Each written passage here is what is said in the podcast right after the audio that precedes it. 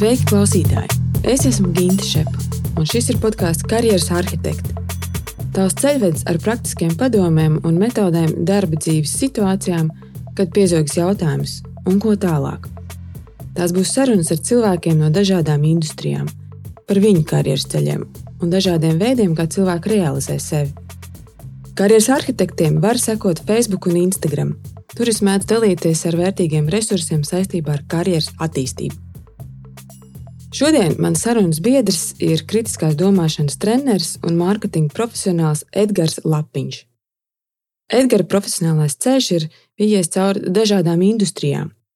Pabijis gan banku vidē, gan IT nozarē. Edgars palīdzējis zīmoliem Latvijā un ārvalstīs, strādājot radošajā aģentūrā DDB. Šobrīd Edgars lasa lekcijas Stokholmas ekonomikas augstskolā un ir kritiskās domāšanas treneris. Ar Edgars es gribēju aprunāties, jo kritiskā domāšana ir viena no prasmēm, kas ir pieprasītāko prasmu sarakstā nu jau pāris gadus. Un arī nākotnē vajadzība turpina iezīmēties. Tāpēc aprunāsimies ar Edgars, kas ir kritiskā domāšana, vai un kā to var apgūt, un kā tā var palīdzēt karjerā. Labrīt, Edgars! Sveiki, Ginte! Paldies par manis uzaicināšanu. Paldies par šādas tēmas izvēli nav tik daudz cilvēku, kuri varbūt pietiekami augstā vērtē un uz augstas latiņas liek kritisko domāšanu, manuprāt. Bet ir vienmēr ļoti forši redzēt un, un dzirdēt no tiem, kuri, kuri apzinās, ka, tā kā tu teici, tā ir viena no darba tirgu vispieprasītākajām prasmēm. Un kā mums rāda arī starptautiski ziņojumi un, un viedokļi no dažiem no ietekmīgākajiem Lat eh, pasaules cilvēkiem vai organizācijām tā, tās prasmes svarīgums un nozīmība tikai aug. O, oh, jā. Es jau tev teicu, jau iepriekšā arī aizkadrā, kad uh, es ieraudzīju tavu uzstāšanos TEDx Rīga un, un nopriecājos, ka mums uh, tepat arī Latvijā ir cilvēki, kas ir savu veidu evanģelizētāji kritiskās domāšanas lauciņā. Un, un tad es domāju, nē, man Edgara vajag uz sarunu uzaicināt. Bet uh, pirms uh, runājam par kritisko domāšanu, padalies savā stāstā, ar ko tavs profesionālais ceļš aizsākās. Kā tu tiki līdz kritiskai domāšanai? Um, jā, tas ir ļoti labs jautājums, jo uh, tas uh, ir ļoti uh, saistīts. Tā atbilde gan kā es tiku līdz kritiskai domāšanai, gan arī kā aizsākās mans profesionālais ceļš. Jo nu, neoriģināli, es domāju, sevišķi manā gadījumā, bet uh, tas paldies ir jāsaka izglītībai. Un tās pirmās sēklas man iesēja uh, vidusskolā, kur man paveicās, ka, principā, tāpēc, ka ģimene, man lielā māsa iepriekš bija izvēlējusies iet diezgan ambiciozu un grūtu izglītības ceļu. Tas ir iestājās starptautiskā bakalaurāta diploma programmā uz vidusskolu Rīgas valsts pirmajā gimnājā. Tad es sekoju viņas ceļam, ņēmu piemēru no viņas. Un šajā starptautiskā bakalaurāta programmā arī bija tāds nu, mazais priekšmets, kas saucās zināšanu teorija, kur tur man toreiz iedeva tos, tos pirmos iespaidus un piemērus, piemēram, loģikas kļūdām, kas ir tāda viena no seksīgākajām un stilīgākajām un, un pieejamākajām daļām no kritiskās domāšanas. Un no šīs starptautiskā bakalaurāta programmas es tālāk devos 2008. gadā uz Rīgas ekonomikas augstskolu, jeb SSI Rīga. Un tieši šī SSI Rīga izglītība, lai arī es toreiz nepabeidzu, bet pāris gadus vēlāk man palīdzēja, un, un tiešām to es pēc tam arī tā dzirdēju no darba intervijām, ka tur man bija nepabeigta šī Rīgas ekonomikas augstskolas izglītība toreiz. Bet tas bija tas faktors, kas man spēlēja par labu, kad mani pieņēma laikam, 2009. gadā kā asistentu bankā, toreiz tikko salīdzinoši nesen pārņemtajā Pareks bankā nodaļā, kuras vadītāja arī bija Rīgas ekonomikas augstskolas absolvente un kā, kā asistenta nodaļas vadītājai.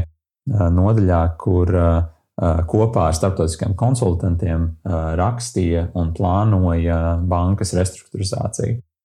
Un tā aizsākās manas karjeras skaits korporatīvā vidē. Tas bija pirmais mans pilna laika, nu, tāds beztermiņa darbs.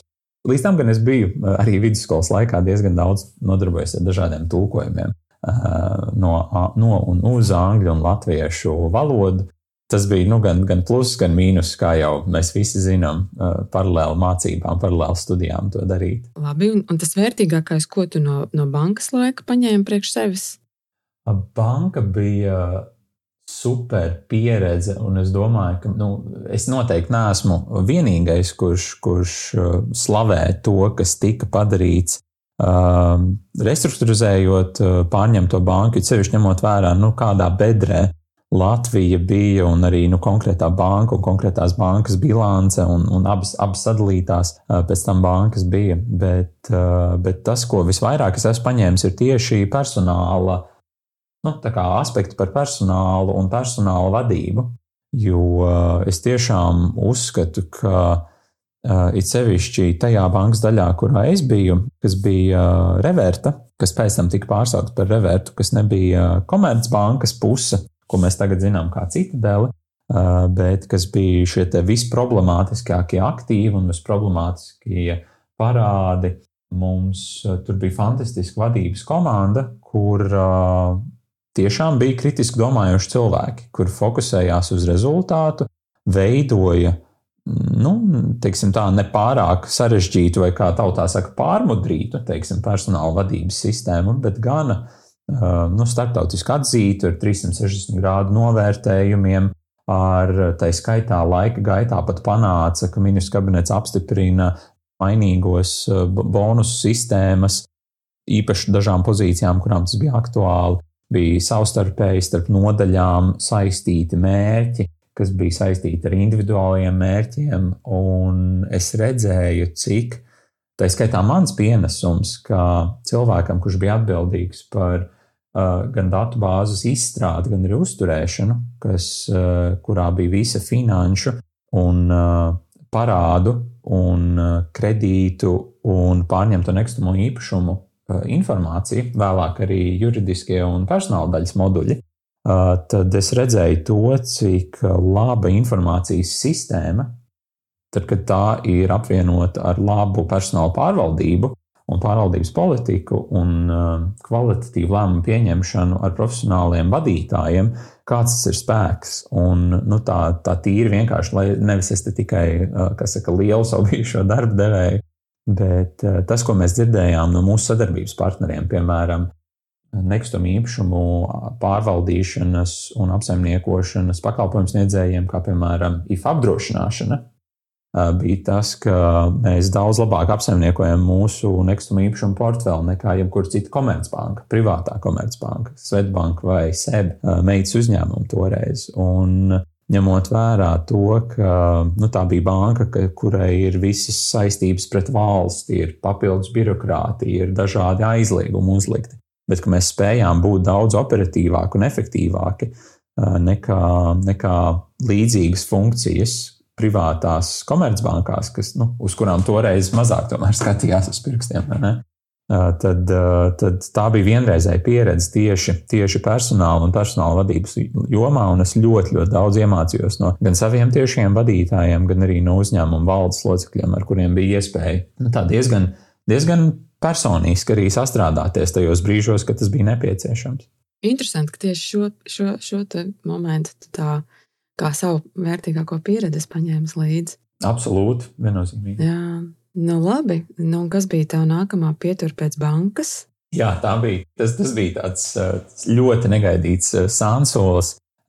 Bija, es, es gandrīz sešus gadus pavadīju bankā, kur es, nu, tātad, principā biju šī te, nu, digitālās transformācijas, eh, datubāzes ieviešanas un uzturēšanas projekta vadītājs. Uh, un uh, jau tuvojās, laikam bija tajā brīdī divi vai trīs gadi atlikuši līdz šim uh, pārējais bankas restruktūrizācijas plāna beigām. Un, nu, jau, teiksim, nu, visi, visi jau zināja un visi par to runāja, ka sāk kļūt garlaicīgi. Es tajā brīdī biju atgriezies Rīgas ekonomikas augstskolā un pabeidzis paralēli darbam bankā pēdējo pusotru, divus gadus Rīgas ekonomikas augstskolas vielas, dabūjis diplomu un eh, uzstājies Tediks Rīga par kritisko domāšanu. Un Tediks Rīga komandā bija tāds cilvēks, reklāmas un radošās aģentūras DDB Latvijas vadītājs Ants Žubīns, ku, ar kur man sanāca iepazīties. TEDx Rīga no sākuma statusā kā speakerim vai lektoram 2014. gada konferencē. Un pēc tam es iesaistījos komandā arī kā nu, zinātnieku un zinātnes popularizētāju, runātāju un lektoru piesaistītājs.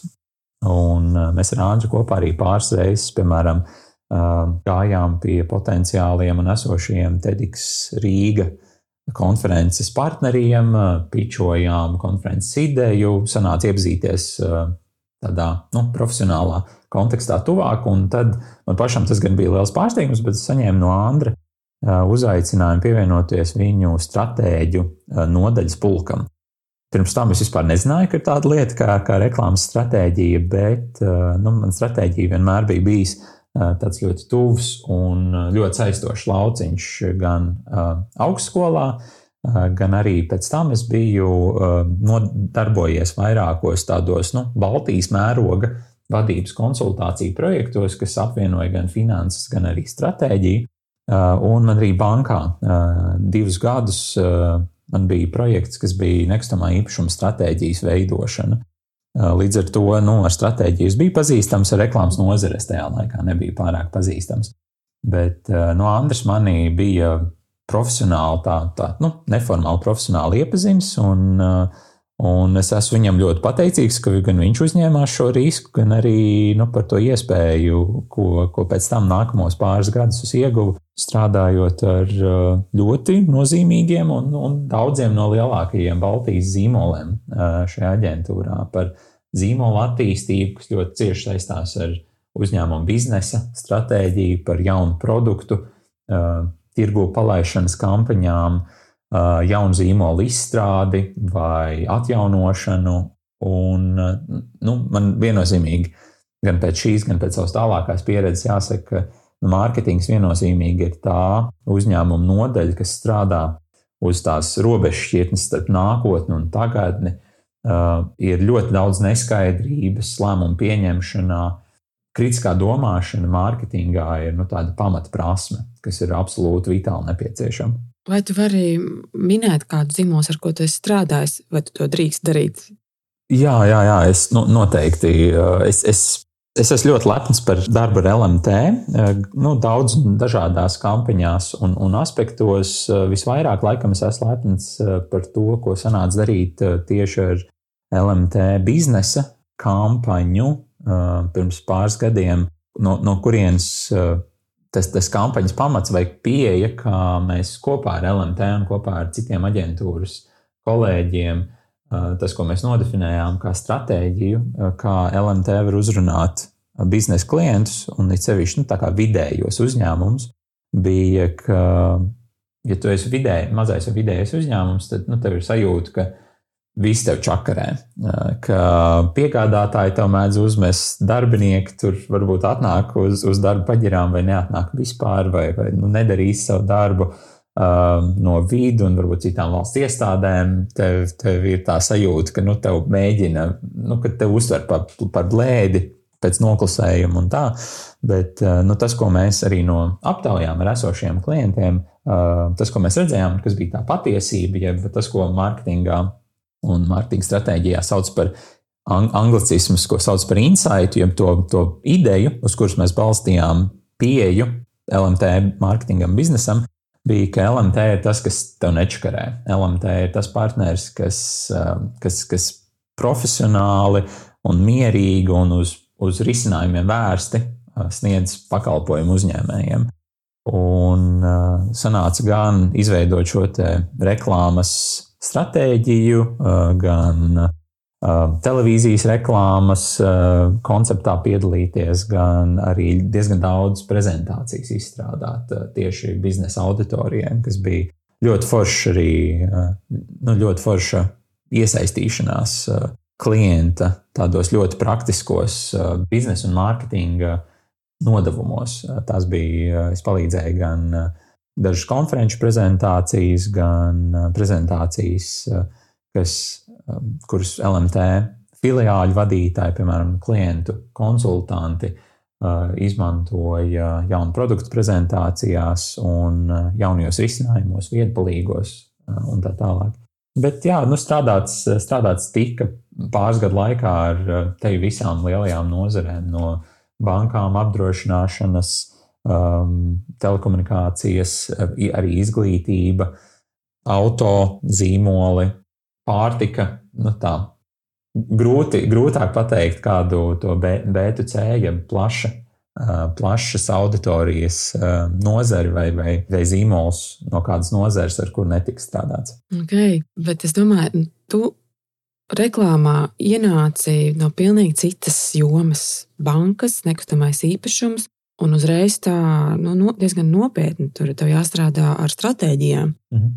Kas tev palīdzēja nu, tajā pārējas ja, posmā ātri ielikt, un tev ir kur klients, un viņam vajag, un dažādi tie klienti.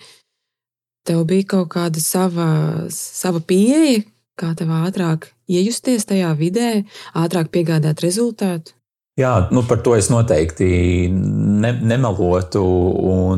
Tā atbilde ir nu, droši vien divējāda. Viens ir, vai īstenībā tā ir tā viena tā pati atbilde ko gan zinātnē, gan arī kritiskajā domāšanā sauc par stāvēšanu uz milzu pleciem. Tas bija gan daudz, gan aģentūras iekšējo materiālu un iepriekšējo kampaņu pētīšana, konkrētā klienta izpēte un vienkārši informācijas tveršana no visiem, bet nu, tiešām man arī ļoti paveicās, ka mans vadītājs un aģentūras vadītājs Andris bija gatavs mentorēt un, un palīdzēt uh, tajā laikā, kad, nu, principā, visa šī reklāmas stratēģijas daļa DDB nomainījās, un uh, nu, arī viņam, principā, jau nebija uh, cita iespēja, kā nopietni iesaistīties. Un, nu, bija tādi, principā, kādi 3-6 mēneši, kad gan Antis ļoti iesaistījās un palīdzēja, gan arī nu, nācās tā uzraut un no jauna, piemēram, izveidot daudz dažādas pieejas, gan tam, kā mēs pieejam projektiem, stratēģijas projektiem, gan arī, nu, kā mēs pārdodam stratēģijas projektus. Un, nu, tas, tas bija tāds periods, kas finalizējās ap to laiku, kad es jau gāju prom pāris gadus vēlāk. Bet nu, man bija arī liela gandrījuma sajūta, ka tad, kad es devos prom no aģentūras, ka tad salīdzinājumā ar to posmu, kad es ienācu, kad uh, tā reklāmas stratēģija arī nu, vispār Latvijas tirgo vēl bija tāds varbūt tik neapgūts lauciņš un nebija arī tik pelnošs lauciņš. Tad tajā brīdī, kad es devos prom, tad uh, tas aģentūrā bija ļoti, ļoti pelnošs uh, un, un tāds stabils, ienesīgs, ienesīga nodaļa, kur, kur uh, bija ļoti daudz, ļoti daudz jaunu projektu. Vai tu vari nokomentēt, nu, zini, kā cilvēkam pasakot, kad es strādāju radošajā aģentūrā, kādam, kas vispār par to jomu varbūt iepriekš nav interesējies, tas priekšstats var rasties, nu, tur tāda radoša, mākslinieciska vide, jā, un, un, un dinamiska noteikti, bet, um, nu, tā tīri racionāli. Kāda tā iekšējā virtuve ir, ar ko jārēķinās? Ja nu kāds apsver ideju par to, ka varbūt ka man jāpamēģina sevi šajā jomā. Jā, tas ir ļoti labs jautājums, jo vienmēr ir, ir Latvijas reklāmas aģentūrās ir vairākas vakants. Piemēram, arī šobrīd ir vairākas, eh, piemēram, projektu vadītāju, projektu direktoru vakants, kas ir tie cilvēki, kas vada reklāmas projektus, eh, pieņem un eh, noskaidro klientu vēlmes, nepieciešamības, un tad novada reklāmas projektu izveidi vai, piemēram, reklāmas klipa filmēšanu. Bet uh, nu, es noteikti teiktu, jā, piemēram, par to stereotipu, vai ko tu minēji par radošu atmosfēru. Tā noteikti ir uh, radoša vide ar uh, visiem, vai lielāko daļu plusu un mīnus, ko var iedomāties. Bet es viennozīmīgi teiktu, ka daudz vairāk plusu, jo tā nav, teiksim, tā nav tāda nesakārtot vai haotiska radoša vide. Latvijā reklāmas nozara ir noteikti ļoti dinamiska, radošu projektu kalve. Vai, nu, ļoti, mums ir ļoti daudz šādu radošu projektu rūpnīcas. Tas, kas Latvijā mums ir specifika reklāmas nozarē, sevišķi salīdzinājumā ar ārzemēm, sevišķi salīdzinājumā ar Rietumu Eiropu, ir tas, ka es teiktu, nozarei vēl ir jānoveco, jo it sevišķi klientiem ir nepieciešama lielāka pieredze gaidīt vai nu, apzināties teiksim, to projektu vadības svēto trīsvienību, vai precīzāk sakot, ir, ir, ir tas joks par projektu vadību, ka tev ir jāizvēlās vai nu labi, vai ātri, vai lēti.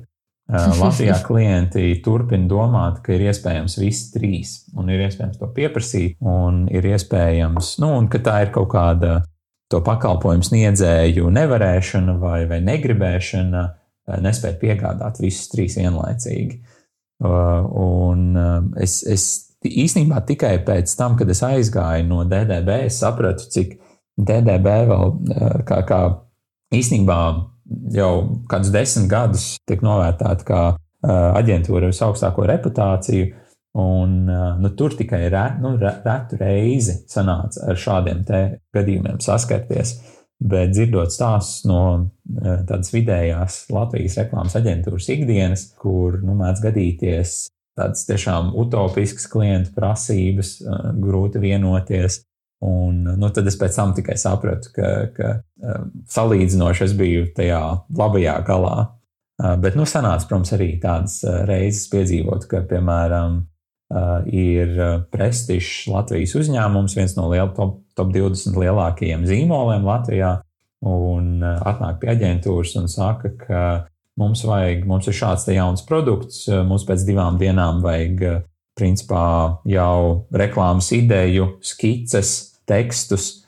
Un uh, tad, tad aģentūrai ir jādomā, vai tas ir iespējams, vai mēs. Pēc divām dienām, jā. Jā, jā. Nu, un, okay. un parasti jau tiešām pēc manas pieredzes 90% gadījumu aģentūra saraujās un saspiežās, un kaut ko cilvēkiem tur vai iedos kādus bonusus, tāpēc, ka būs jāstrādā naktīs, jo visu laiku ir arī kaut kādi esošie un tekošie projekti gandrīz. Nav jau tā, ka cilvēki sēž rokas klēpī salikuši. Uh, un, jā, šie ir tie gadījumi, kas, kas var gadīties, bet, uh, bet tas darbs, kad tu strādā pie jaunu ideju radīšanas, kas, uh, kas cilvēkiem liks ieklausīties, uzmanību pievērsīs, un kas pats galvenais, kas man sniedz to gandarījumu, bija mārketinga un reklāmas idejas balstīt nu, kaut kādos noteikumos, ka tām jābūt patiesām. Tas nevar būt nu, izzīstas no pirksta.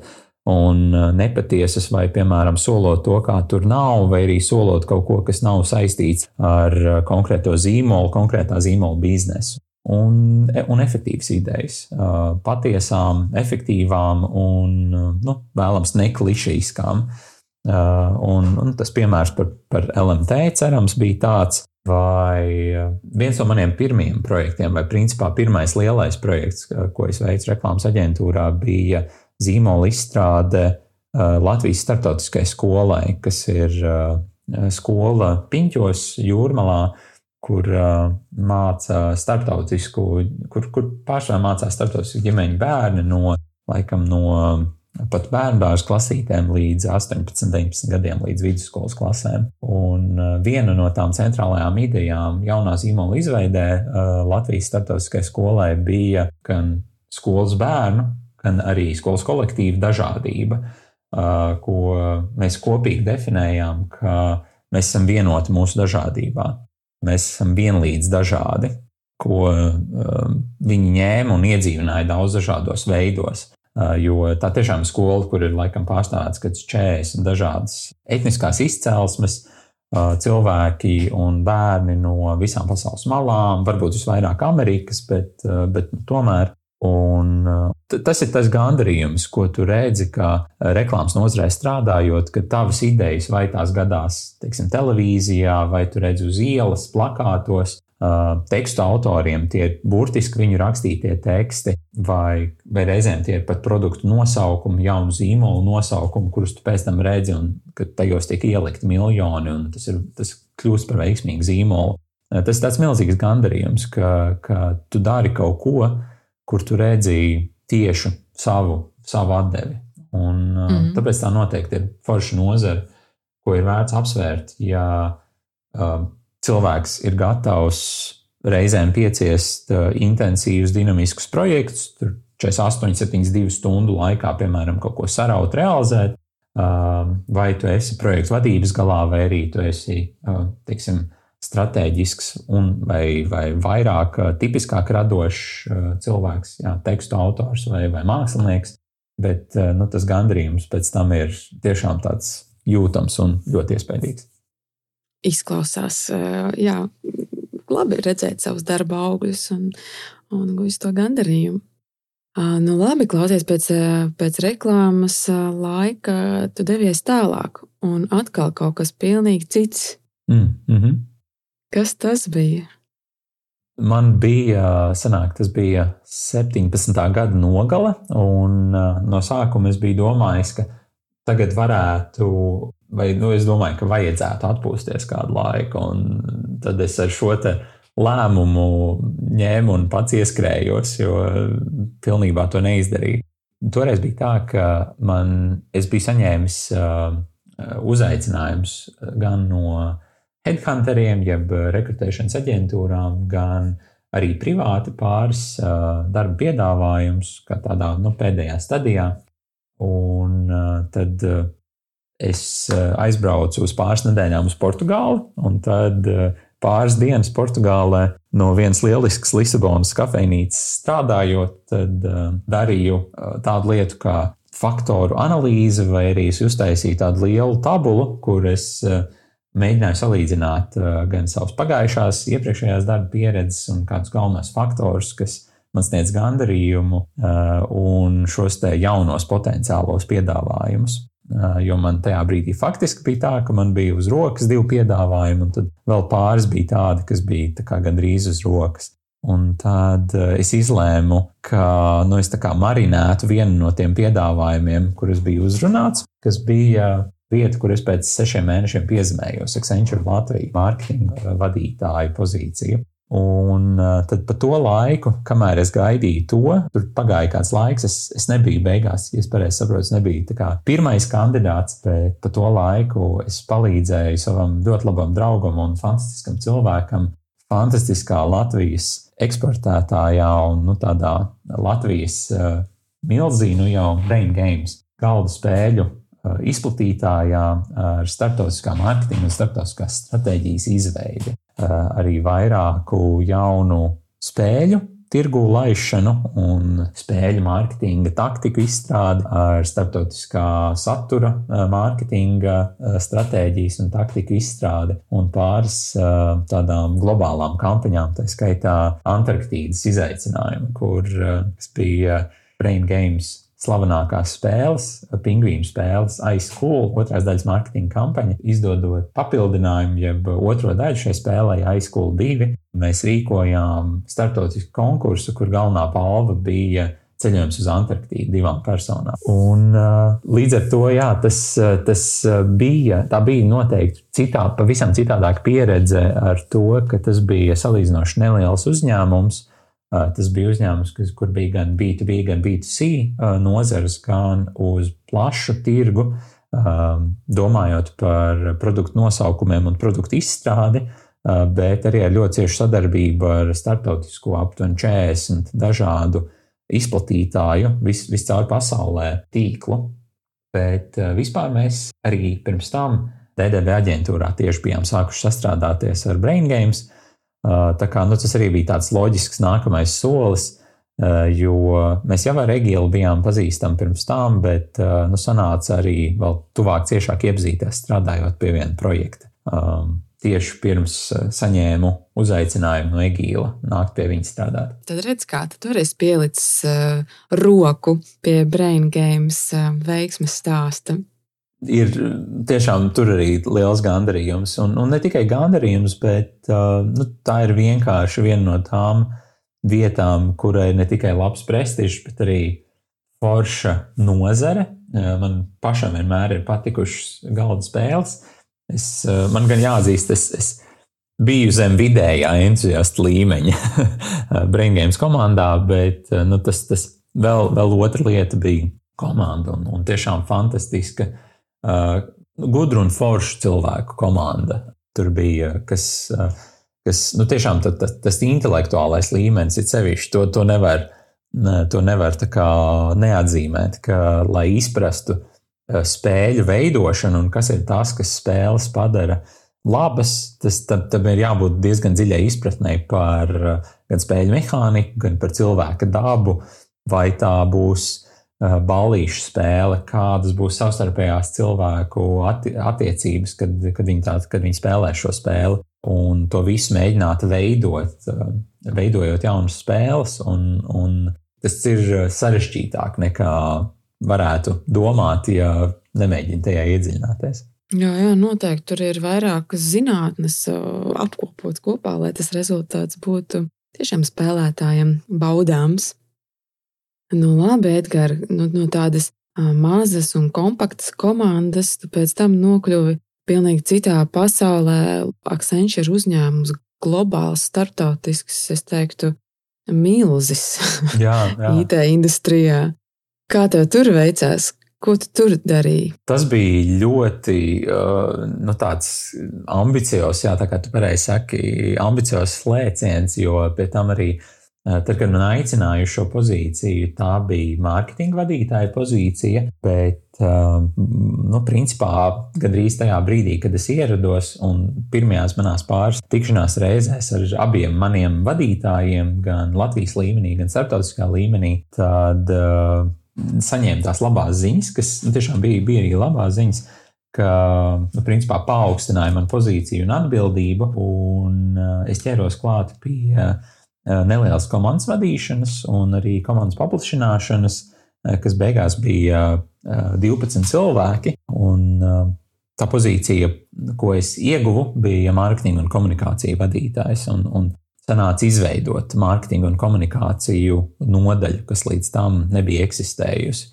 Tad, tad eh, jā, nācās ieiet starptautiskā milzīgas, eh, kas strādā IT nozarē, strādāt ar eh, IT nozares profesionāļiem, ar visu žargonu un projektu specifiku, kas tam nāk klāt. Nācās iemācīties agile metodoloģiju, projektu vadības un, un IT projektu izstrādes metodoloģiju, ko mēs pievienojām un adaptējām arī mārketingā. Un, uh, es tiešām par to arī tas ir viens no tādiem lielākajiem gandarījumiem, ka sanāca gan iemācīties, gan izveidot ļoti ārkārtīgi, nenormāli efektīvu nodaļu, kas tiešām strādā simtprocentīgi strādā uh, agile metodoloģijā un visus projektus arī atspoguļo un uh, reāli laikā gan organizē, gan arī nu, analizējām projektu izpildu un realizāciju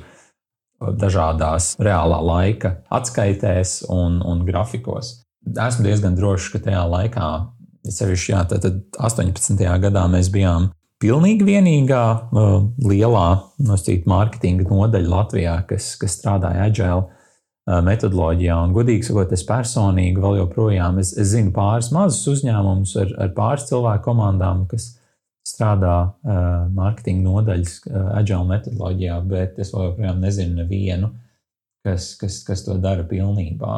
Tā kā, tā kā ir prieks arī nu, būt, tād, būt bijušiem tādiem caumlaužiem. Principā pie tevis var vērsties pie padomiem, ja nu kāds vēlās uh, savā komandā ieviest šo metodoloģiju un kaut kā savādākus darba principus. Tu vari palīdzēt, mentorēt. Tieši tā, jā, ir, ir arī sanācis tagad, kopš pēdējos sešus mēnešus, ko, kopš es strādāju freelance konsultāciju projektos. Uh, tad jā, ir sanācis arī par to konsultēt pāris uzņēmumus. Jo tieši tā, tas, tas, ir, tas ir tas, ko mēs redzē, redzam pasaulē, gan arī, arī Latvijā ir vien biežāk IT nodaļas un IT izstrādātāji, kur kļūst arī, kur nozīmība gandrīz visos uzņēmumos kļūst ar vien lielāka un svarīgāka. Tad citas nodaļas mēģina ar viņiem vairāk saintegrēties. Tādā, tas ir tas parastais dzinulis, kas ir liek pamēģināt kādus agile projektu vadības un principus, bet bieži ir tā, ka sanāk palikt kaut kur pusratā, ka, ka ir kaut kādi atsevišķi projekti un pāris ļoti entuziastiski cilvēki varbūt uzņēmumos, kas ir gatavi strādāt agile principos, bet tad it sevišķi, it sevišķi uzņēmuma hierarhijas augšgalā cilvēki, kuri ir ļoti aizņemti, kuriem nav laika iziet treniņus, kuriem nav bieži laika un arī vēlme pagriezt savu domāšanu uz, uz agile principiem no tā, tā, ko IT izstrādē sauc par ūdenskrituma izstrāde, kur nu, ir viens cilvēks, kurš visu zina vislabāk pašā augšā, bet agile principā tā ir daudz plakanāka hierarhija, kur komandas pašas prioritizē izdarāmos darbus, lai radītu vērtību gala patērētājam un klientam, tad tur ir diezgan liela arī tā domāšanas maiņa, ko, ko ir ļoti grūti pārkāpt. Un tiešām jāstrādā ar uzņēmumu vadību. Un uzņēmuma vadībai vai nu pašiem jau ir jābūt gataviem, vai tad jābūt konsultantam, kurš var mazliet viņus izaicināt un pačalenčot un palauzt to viņu domāšanu, ka kaut kam ir jāmainās un ka lietas nevar turpināties kā, kā līdz šim. Jauki, nu, klausēs. Kā, kā tu nonāci līdz kritiskai domāšanai, un kā tev pašam tā ir palīdzējusi tavā karjerā?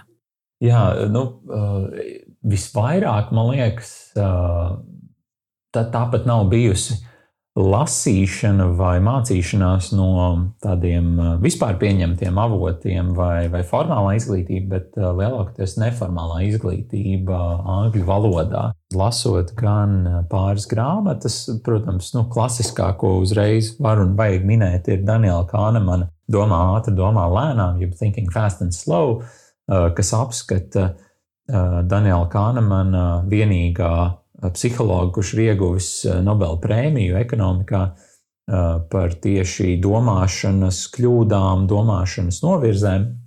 Grāmata, kurā ir apskatīti tādi daudz biežākie domāšanas kļūdu iemesli un kā tiem var pretoties. Diezgan daudz video arī savulaik skatījos, kas bija starptautisku eh, zinātnieku vai arī eh, tieši zinātniskā skepticisma kustības eh, veidot video par to, kas ir zinātniskā metode, kas ir skepticisms par šo pašu zināšanu teoriju. Un tas bija tas, kas pirms nu, jau kādiem nu, vairāk kā desmit gadiem, ap iepriekšējās krīzes laika, kur, kur jā, pašattīstījos, un tad ap 2010. un 2011. gadu sanāca Latvijā savākties dombiedru grupiņā un izveidot Latvijas zinātniskā skepticisma kustību ar mērķi Latvijā popularizēt kritisko domāšanu. Un tad jā, mēs sākām rīkot regulārus pasākumus vecrīgas bārā par zinātnes tēmām. Pasākumu, kurus cerams, kāds no klausītājiem būs dzirdējis, nosaukums Skeptikafē, kur mēs apskatījām kādu no zinātnes tēmām vai kādu no kritiskās domāšanas tēmām, piemēram, zinātnes lauka pusē no kvantu fizikas līdz medicīnas ētikai un kritiskās domāšanas pusē, pusē no caurvēja ādarēm, homeopātijas vai nu, arī kaut kur pa vidam, piemēram, vakcīnu drošību, vakcīnu riskus. Un tie ir tie nu, tipiskie jautājumi vai daļa no tiem tipiskiem jautājumiem, ko mēs esam apskatījuši. Pārsvarā pieaicinot kādu rīktīgu foršu zinātnieku, labu akadēmiķi, vai no visbiežāk no Latvijas, bet reizēm arī no ārzemēm, kas varētu sniegt foršu neformālu lekciju pie dzērienu glāzes vakarā vecrīgas bārā. Un tad izrādījās, ka jā, 14. gadā atklāja, ka diezgan daudz no Tētikas Rīgas komandas dalībniekiem ir mūsu bieži apmeklētāji, kad es saņēmu šo uzaicinājumu uzstāties Tētikas Rīgas konferencē. Un pa to laiku jau, jau es un arī citi mūsu komandas locekļi bijām sākuši arī uzstāties ar dažādām vieslekcijām, gan uzņēmumos, gan uh, augstskolās par kritisko domāšanu, kas tā ir un kā tā var palīdzēt organizācijās un gan cilvēkiem individuāli. Un uh, tas arī šobrīd jā, ir palīdzējis manā profesionālajā ceļā. Vienkārši tā, ka arī šobrīd vadu kritiskās domāšanas treniņus, gan atvērtus treniņus, gan arī uzņēmumiem. Vai tu vari pastāstīt, kā kritiskā domāšana var palīdzēt karjeras kontekstā? Uh, nu, man liekas, vislabākais un tāds viskonkrētākais ceļš ir līdzīgi, kā mēs pieņemam svarīgus lēmumus, piemēram, eh, pērkot jaunu mašīnu vai izvēloties dzīvokli, un mēs kvantificēsim tur, piemēram, kāds ir degvielas patēriņš mašīnai, vai, nu, ja mums rūp apkārtējā vide, kā cik daudz izmešus rada mašīnas dzinējs, vai nu, tad analizēsim hipotekārā kredīta atmaksu un procentus un līguma nosacījumus, vai arī varbūt salīdzināsim kaut kādus faktorus diviem dažādiem īpašumiem, starp kuriem mēs nevaram izvēlēties. Tad tas ir tas arī, kā man kritiskās domāšanas pieeja un tātad kvantificēšanas principi un faktoru analīze, kas ir vēl viens arī princips lēmumu pieņemšanā, kas man ir palīdzējis pieņemt tādus lēmumus, par kuriem es esmu drošs, ka tas nav tikai uz čuļņu un poņu, un kur acis rāda iet, bet tiešām izšķirties un dom padomāt, kas man ir svarīgi, kādas lietas es novērtēju savā esošajā vai potenciāli nākamajā darba vietā, kā piemēram attālums līdz darba vietai, tiešais vadītājs, eh, darba vietas prestižs, eh, amata atbildība un ikdiena, gaidāmā ikdiena, tie darbi, ko es darīšu ikdienā, kādi ir citi kolēģi, ar kuriem nāksies strādāt, vai pozīcijā ir iesaistīta cilvēku vadība, protams, atalgojums, iespēja saņemt atalgojumu, par padarīto darbu, jeb nu, atalgojums pēc padarītā.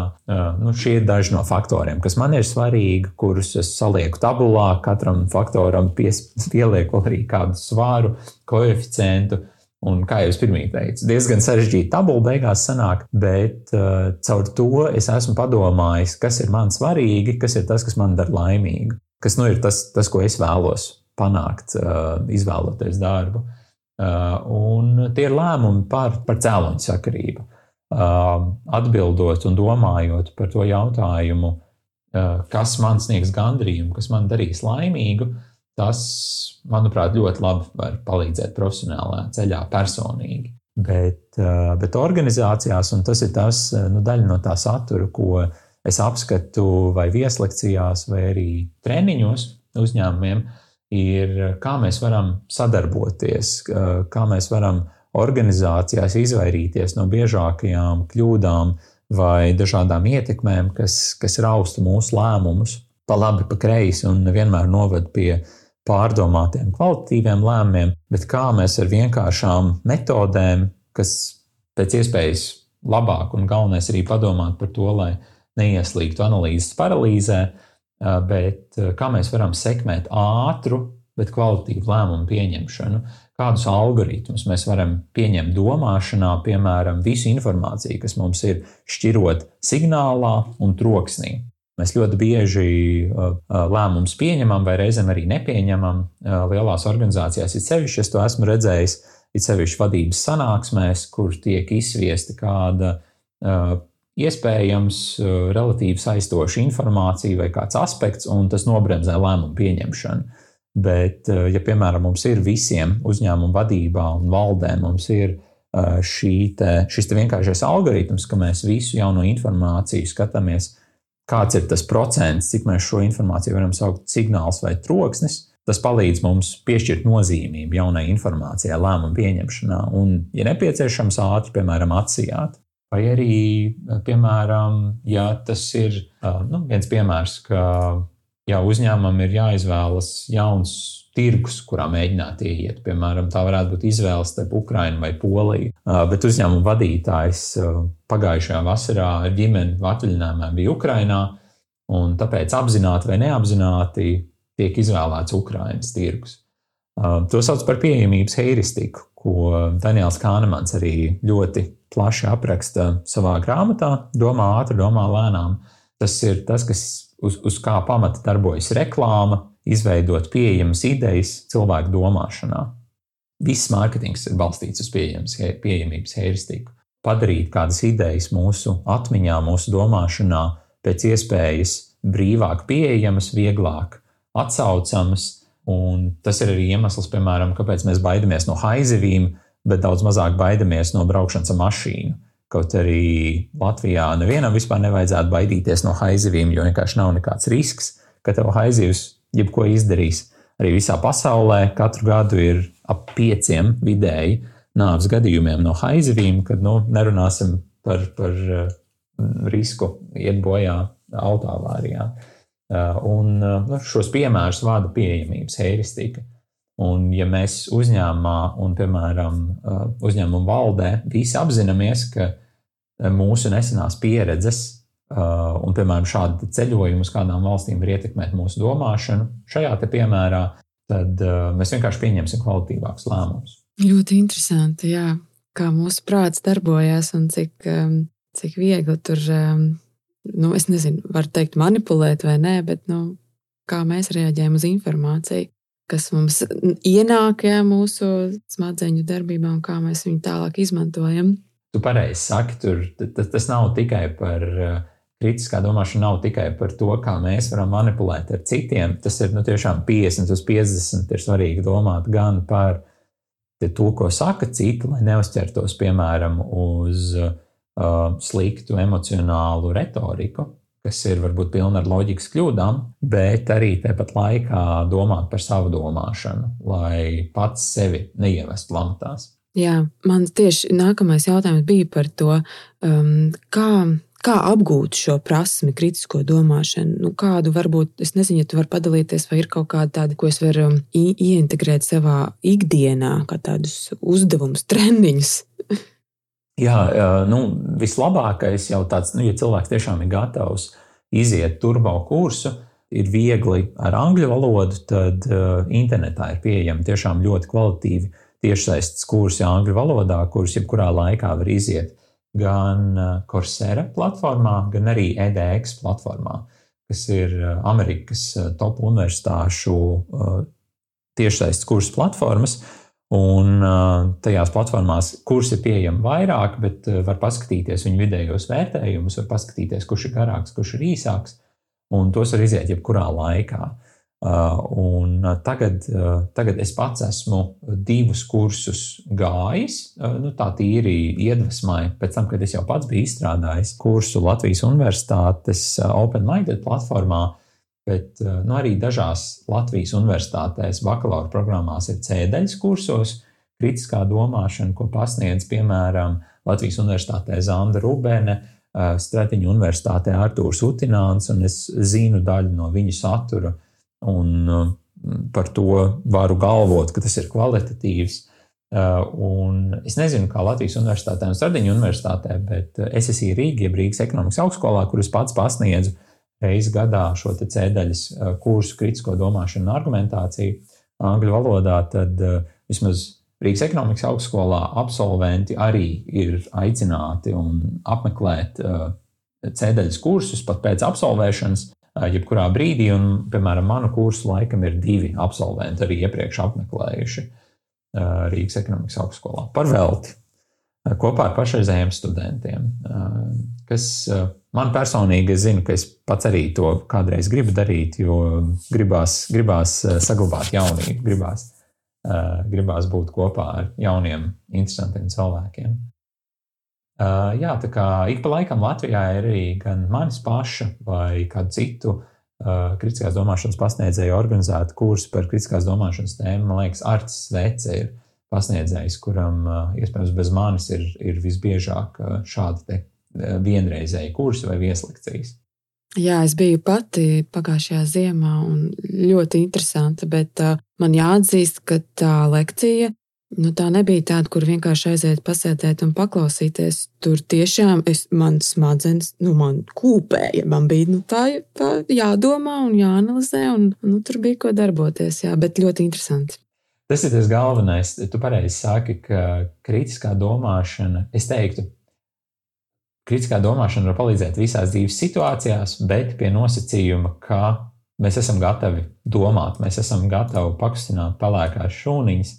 Un tas ir eh, pavisam nopietni. To nevar tā triviāli tikai aizmest, jo domāšana ir, ir eh, riebīgs, sarežģīts un grūts darbs. Un eh, tepat te, te ir svarīgs padoms vai ieteikums, ko es iesaku um, cilvēkiem, arī organizācijās metode kvalitīvāku lēmumu pieņemšanai, nepieņemt lēmumus, kad mēs esam vientuļi, izsalkuši, saguruši vai dusmīgi.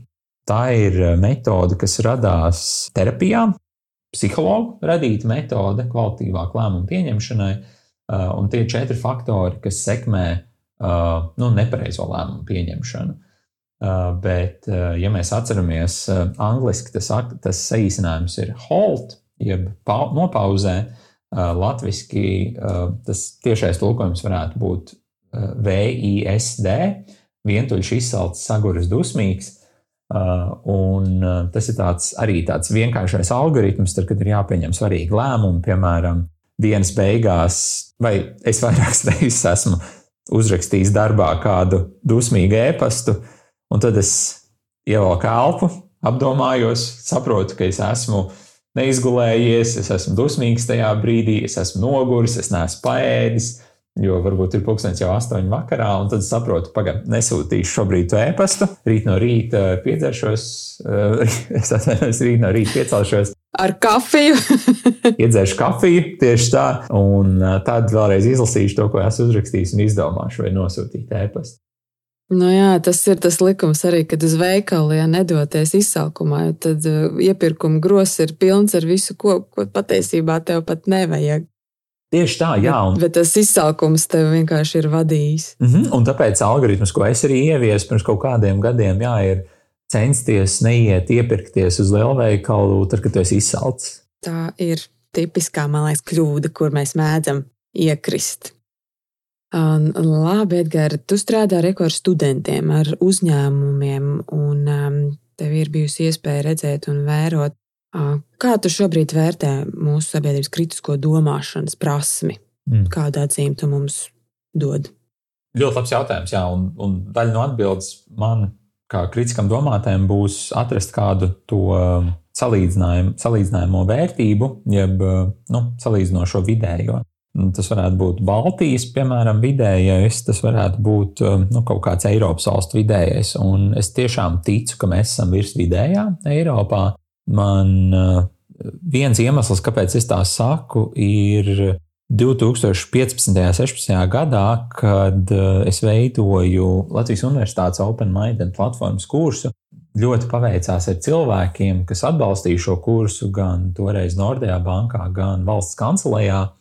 Un mums bija vairāk kā 500 uh, eh, ierēģņu, bet uh, kopā ap 2500 cilvēkiem, kas uzreiz pieteicās uh, pirmajam tiešsaistes kursam, klāti, nu, nevis klātienē, bet uh, katru nedēļu apmeklēt, iet cauri visām lekcijām. Un, un beigās ap uh, 500 cilvēkiem no šiem 2500 to kursu pabeidza. Valsts kancelei bija uh, izreklamējusi to kursu ierēģiem un, un valsts iestāžu darbiniekiem. Un, uh, nu, tātad jau pašā sākumā uh, bija virs 10%, tuvu 20% šī kursa sekmīgo nokārtotāju procents, kas ir daudz lielāks nekā šādu internetu kursu, tiešsaistes kursu vidējais rādītājs, kas gandrīz nekad nav virs 10%, un starptautiski internetā tāds ir tuvāks vienam, diviem procentiem. Un pēc šiem starptautiski salīdzināmiem rādītājiem, un, un zinot to, ka es pats personīgi esmu ap 5000 cilvēkiem vadījis nu, vismaz kādu treniņu vai Eh, semināru par kritisko domāšanu, ieskaitot šos te eh, dažus tūkstošus tiešsaistē, tad eh, es vienkārši zinu, ka Latvijā kaut vai tikai no manas organizācijas vai, vai maniem individuālajiem centieniem vien daudz vairāk cilvēku ir izgājuši kādus kritiskās domāšanas treniņus nekā, piemēram, Lietuvā vai Igaunijā vai jebkurā Skandināvijas valstī. Un jā, tā ir neformālā izglītība. Jā, manuprāt, kritisko domāšanu vajadzētu mācīt skolās kā atsevišķu priekšmetu, jo ir pētījumi, kas parāda, ka tā ir lieta ir lielāka atdeve un arī atdeve uz pārējām sekmēm, citos priekšmetos, ja tas ir kā atsevišķs priekšmets skolā un atsevišķs priekšmets augstskolā. Diemžēl tas ir tikai izvēles priekšmets dažās Latvijas augstskolās šobrīd, un neformālā izglītībā pašiem cilvēkiem ir jāmācās. Bet uz to kopbildi skatoties, un, un tā kopējā aina, manuprāt, objektīvi mums ir labāka nekā gandrīz jebkurā citā Eiropas valstī. Lieliski dzirdēt, nu, tu tā arī ar cipariem pamatoji statistiski, ka nav nemaz tik slikti ar mums. Um, Edgars, es gribu tev teikt lielu paldies gan par tavu personīgo stāstu, gan arī par to, ko tu dari ar, ar šo kritiskās domāšanas kustību, ar taviem dombiedriem. Un tāpēc es arī gribu tev novēlēt daudz sekotāju un, un labu studentu, kas ņem pretī šīs zināšanas, ko tu, ko tu sniedz, un uh, lai mēs turpinām pielietot šo prasmu arī dzīvē turpmāk. Paldies, Gīta! Un, un pretēji uh, kritiskā domāšana personāla vadībā un cilvēku vadībā ir vienkārši visveiksmīgākā kombinācija. Saku to no savas pieredzes, bet uh, novēlu tev arī turpināt evanģelizēt kritisko domāšanu tavā gan darba, gan privātajā ikdienā. Paldies! Es, cen, es cenšos praktizēt, jā, nezinu, cik man veiksmīgi sanāk, bet es par to cenšos vismaz piedomāt un uh, kaut vai nedoties uz veikalu izsaukumā.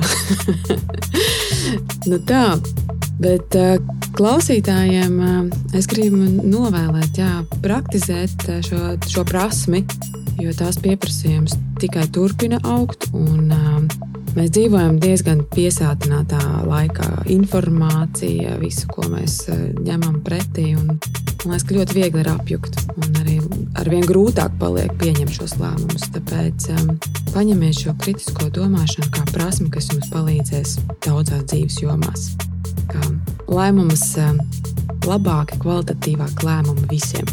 Paldies un e, tiekamies pēc nedēļas! Atā!